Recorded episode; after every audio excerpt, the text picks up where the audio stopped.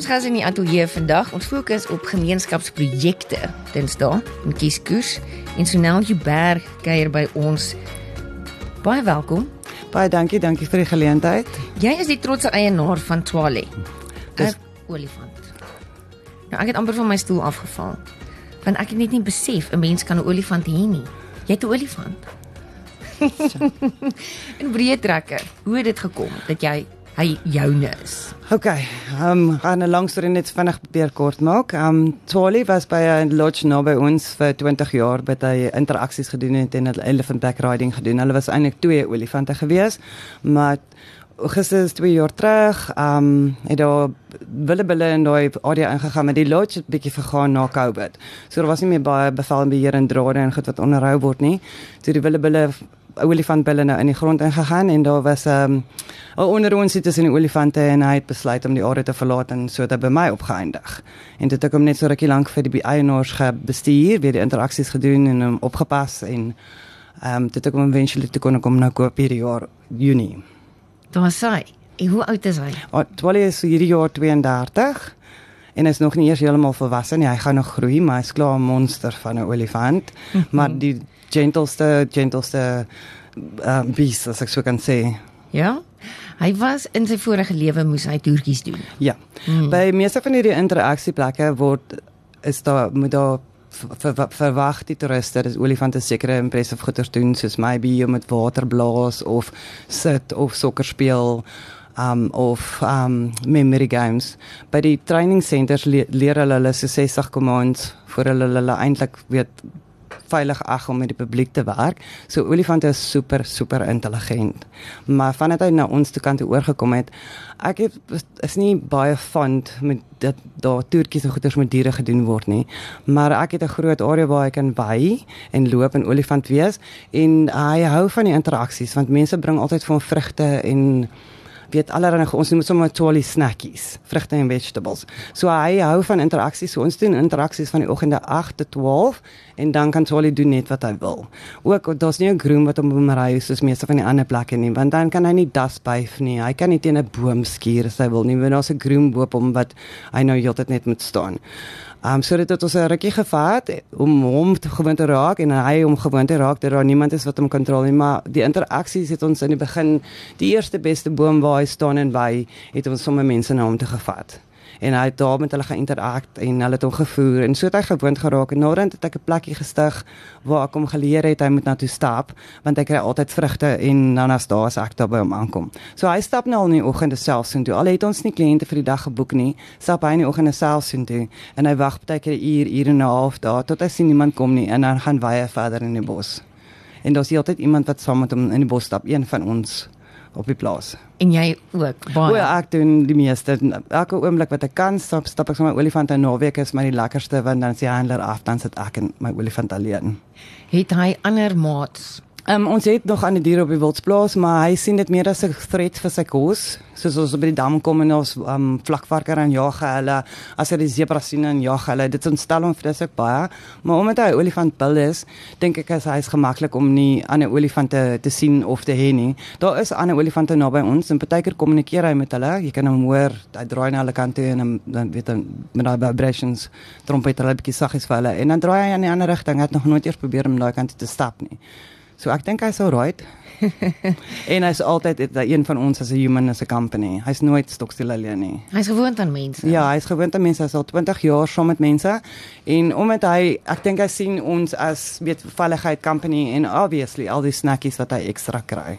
En dit is die interaksies. Dit het 'n vir julle 'n uh, opvoedkundige waarde. Ey, verskriklik baie. Daar is um, baie baie mense wat verskriklik bang is vir olifante en dan sal hulle nou daar aankom en hulle moet nou vertolie en hulle kan nou rukkie by hom staan en hulle kan net naby hom wees in sy presence en dan sien hoe saggies en gentle hy is en dan hulle nou aan gats om nou nader te gaan en hom te vat en hom te voel en dan vir my drukkie actually te gee. Jy kan hom tot 'n drukkie om sy been gee en hy gee baie keer so slurp dat hy jou 'n bietjie besnif en ook natuurlik in die reuk raak. Daai mense raak baie gemakliker. En dan is hy verskriklik sensitief met kinders wat um miskien soos autisties is, weet jy, een van die gebrek het mense in 'n rolstoel of mense met 'n kruk, um dames wat swanger is, hy tel al daai goed op en dan sal hy met sy slurp saggies teen hulle partykeer snyf en dan sal hulle met hulle kommunikeer. Dis nogal heartwarming om dit te sien en hoe die kindertjies ook reageer, weet die mense wat nou gebreklik is, hoe hulle uit hulle eie wêreldjie uitkom en met die olifant kommunikeer. So dit is regtig heartwarming om dit te sien.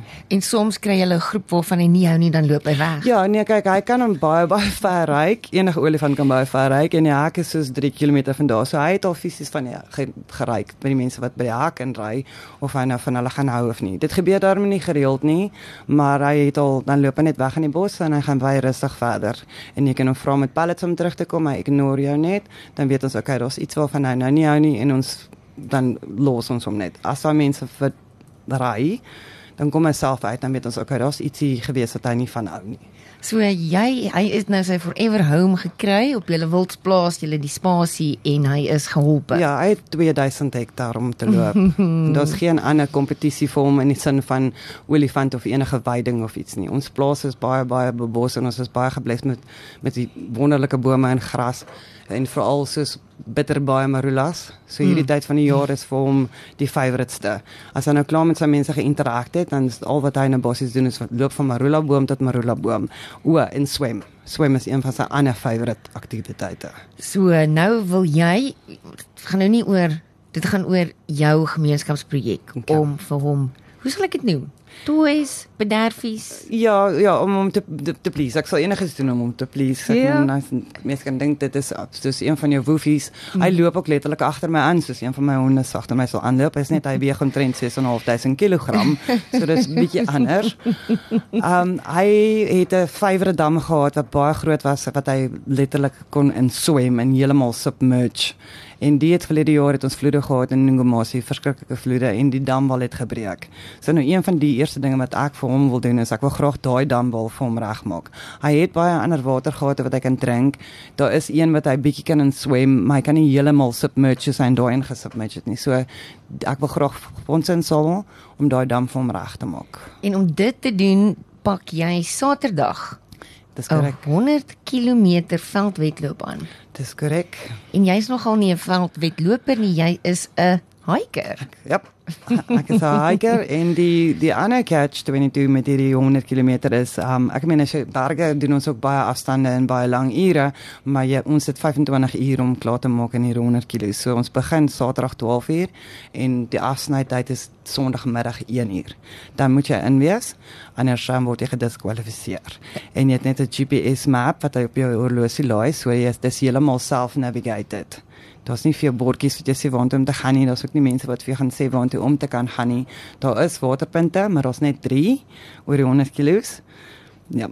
Dit klink dis berge en klove en dale, so niemand kan eers eintlik langs die pad staan om jou te kom aancheer nie.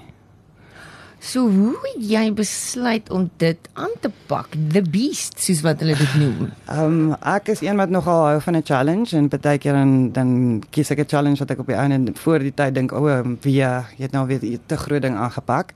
Ehm um, en ek doen elke jaar probeer ek van dit my my bouleerders probeer ek elke jaar iets doen wat major is. So ek het die die die mini beast wat eintlik die ice queen genoem word was 2 jaar terug ek het hom 2 jaar terug deelgeneem hy's elke jaar wat deur die nag was 50 kg. Ek wou hom nie eintlik gedoen het nie, maar my vriendin vriendin, sy's bietjie van 'n drawer en 'n hiker. Sy het haarself ingeskryf vir haar 40ste verjaarsdag.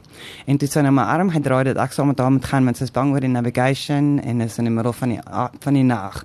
Toe sy nou my arm gedraai om hom te gaan doen, wat ek gedink het sou nooit reg kry nie. En ek het wel my ligamente geskeur en ons het verdwaal. Uh, maar ons het onklaar ons het 42 kg gemaak. Oeh. As ons nou verdwaal het nie ons sal ons aan 'n teen sou ook gedoen het. En toe ek myself dink ek wel dit is possible. En en dis wat ook die boodskap wat ek vir party mense wil uitdraai is. Ons is net gewone mense. Ek is net 'n gewone mens. Maar baie keer moet jy jouself net bietjie uit die comfort zone trek om 'n lewe te lewe en excitement en adventure te kry. En die afstand skrik jou nie af nie. Ehm um, dit dit moet seker maar dit dit doen nog nie nee die miskien die ek seker ek gaan nie miskien in 25 ure inkom nie en alles word ek gediskwalify ek wil graag klaar maak ongeag of dit my nou 30 ure vat of ek tot maandagmiddag stap. so ek sal vir hulle vra by die reisbriefing is hulle asseblief my net nie kom hol nie. Ek wil graag hierdie klas stap. En dit is vir Charlie. Dit is vir Charlie. Nee. Dit ek is nie 'n mens wat daarvan hou om vir ander mense geld te vra nie. Ek sal eerder harde werk en dit self uitsorteer. Maar ek het net gedink omdat ek nou hierdie spesifieke bietjie projek vir hom wil doen, miskien sal die mense alle harte oopmaak omdat ek nou bereid is om hulle te wys wat is my dedication teenoor. Dis nie net vol nie men dit is dit is conservation. En dit is menens vir kinders geslagte ek sê ook altyd um mens kan nie lief word vir iets as jy nie oor dit geleer het en van dit weet nie. Nou wat's 'n beter manier as om kinders en enige iemand reg vir 'n olifant te kan staan en aan alles van sy anatomie te leer, sy behavior te leer en dan nog om te kan vat en om te kan voer daar's geen meer ander humbling gevoel vir my as weet om daar te staan elke oggend vir hulle te sê en vir hom 'n letterlike drukkie te gee nie. En wat 'n eer is dit nie om hierdie intelligente dier so goed te leer ken. En wat my wat hy het my gekies, weet hy olifante is baie super intelligent en soos ek by die handler nou geleer het, hy kies nie sommer altyd enige iemand nie en dit die bond wat hy met my gevorm het, het hy nog nooit met iemand anders gevorm nie. So dit is ook vir my soos jy sê 'n eer en humbling om te dink dat hierdie groot reuse dier in sy ongemaklike omstandighede aan my aan gelatches is een van my woefies. En hy gaan nog vir baie dekades op jou. Hy gaan my definitief ver ver uit oorleef. Um hy is sy tande is in 'n baie goeie kondisie en as mense nou as jy nou kom vir educational en sal ek te mooi wys en vir hulle leer, maar dit gaan alles oor die stand van hulle tande wat hulle 6 keer 6 keer in hulle lewens kry hulle nuwe tande en op die die 6ste keer is dan die laaste keer um wat alles nou gebreek is en kan nie regtig meer wy nie. So hulle gaan dood van um hongerte. Nou daai is gewoonlik op die ouderdom van 60, 65. Charlie is nou eers op sy vierde set wat in min kondisie is. So hy het nog twee sets oor. So ons dink hy gaan 80 haal Sjoe, ja. dis al 50 jaar. Ja. Ja. En ek is ook nie meer jonk myself nie. Ek um, einde van die maand word ek 45. So ek en almoes joke altyd en sê ons moet so lank van so 'n rolstoel kry en vir 12 jaar leer om die rolstoel rond te stoot terwyl ons hom nou nog kan train. Waar kan ons vir Charlie kom ontmoet en hoe bespreek ons okay, vir kan, interaction? Julle kan my WhatsApp op 082 069 8990 of julle kan op sy webwerf gaan kyk as hulle eers interessant is wil ag nuuskierig is om te sien waaroor sy storie gaan is op www.twale.co.za. Maar die beste sal wees om my te kontak want ek hanteer al die boekings En hoe kan ons jou ondersteun? Um mense kan vir my donasies maak. Um ek het op my Facebook page 'n bladsy opgeset met Swali se bankbesonderhede. So hulle kan my donasies maak in die gewone FNB bankrekening. Hulle kan op sy webwerf gaan en van of in die PayPal en um en betaal of die mense kan my net WhatsApp die dag vir die reis of oproepe WhatsApp spel net om te weet ek het support. Jy gaan klaar maak, maak nie saak hoe lank dit vat nie. Ek gaan. dit is nou you bad as jy al kontak besonderhede gemis het, stuur met liefde vir my 'n uh, WhatsApp en ek help jou graag baie baie dankie. Baie dankie vir die geleentheid. Storie kom deel dit met ons. Baie dankie vir die geleentheid.